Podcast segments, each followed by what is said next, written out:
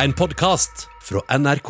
Vi har alle møtt de en eller flere ganger i løpet av livet. De som jukser på eksamen, sniker i køen, tar siste kaffen uten å sette på ny, eller kommer på fest uten medbrakt og drikker på de andre. Og vi skal snakke om juksepavene.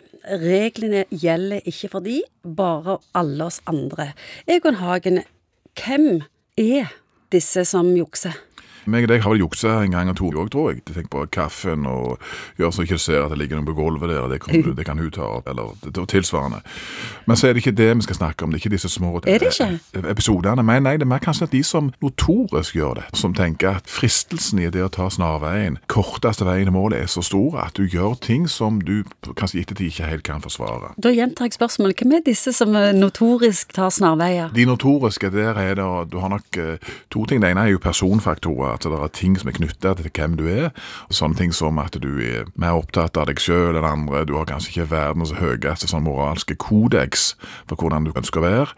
For du tenker at fristelsen til å komme først i køen, fristelsen til å få Så det de er dårligere Sukkeret. mennesker enn oss andre? Nei, det vil jeg ikke si. Men ja, men det, Jo, du sier at de er sånn litt tarvelige og lavmoralske og Ja, det- frekke og syns de er viktigere enn andre. Ja, det er jo noe det, sant? Hvis det er notorisk at du, du, du jukser og trikser med ting, så er jo på en måte det personlighetstrekk som jeg syns grunnleggende sett er problematiske. Vi liker jo ikke juksepaver, enten i arbeidslivet, i familiesituasjoner eller i idrett, for den saks skyld.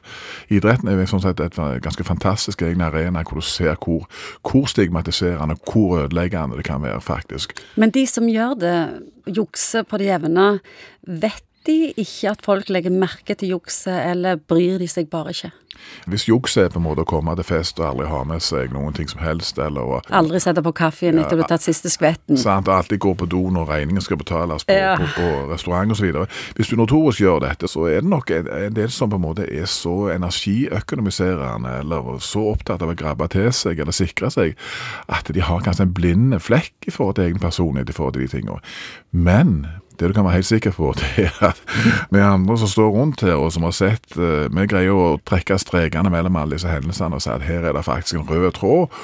Og du kan være ganske sikker at du er oppdaga, altså. Eh, Hvorfor reagerer vi så sterkt? Nei, det er noe med sånne ting som køkultur, fletting av biler i felt. Altså hvis noen bryter den rytmen eller sånn som det skal være. Kontrakten. Kontrakten, ja, den samfunnskontrakten. Og det er mange sånne små samfunnskontrakter hvordan vi skal gjøre ting. Og det har vi sett ganske mye av eh, dette siste året. Vi har sett karantenebrytere, de som sniker seg av gårde til utlandet uten å vise det igjen på sosiale medier, eller, eller prøver faktisk å snike i vaksinekøen òg. Vi liker jo ikke det heller, for å si det sånn. Så tror jeg kanskje at vi alle har blindspots. Altså, jeg legger merke med én type juksing, men så kommer jeg ikke på at jeg kanskje jukser med noe sjøl.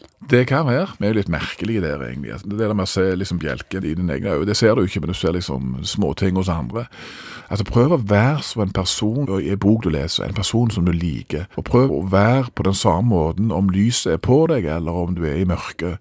Altså, ha en indre kode hvordan du ønsker å være. Og jeg tror at eh, det er en god måte å bli bedre på, faktisk. Jeg kan stå for denne dagen, og så har jeg jo i mange andre sammenhenger snakker om det, det, det små forandringene. Hvis du kan bli litt bedre òg i forhold til dette, litt bedre i forhold til å holde deg til den indre kodeksen om hvordan du skal være, for hver dag, så vil du over tid kunne oppnå ganske store resultater. Du har hørt en podkast fra NRK. Hør flere podkaster og din NRK-kanal i appen NRK Radio.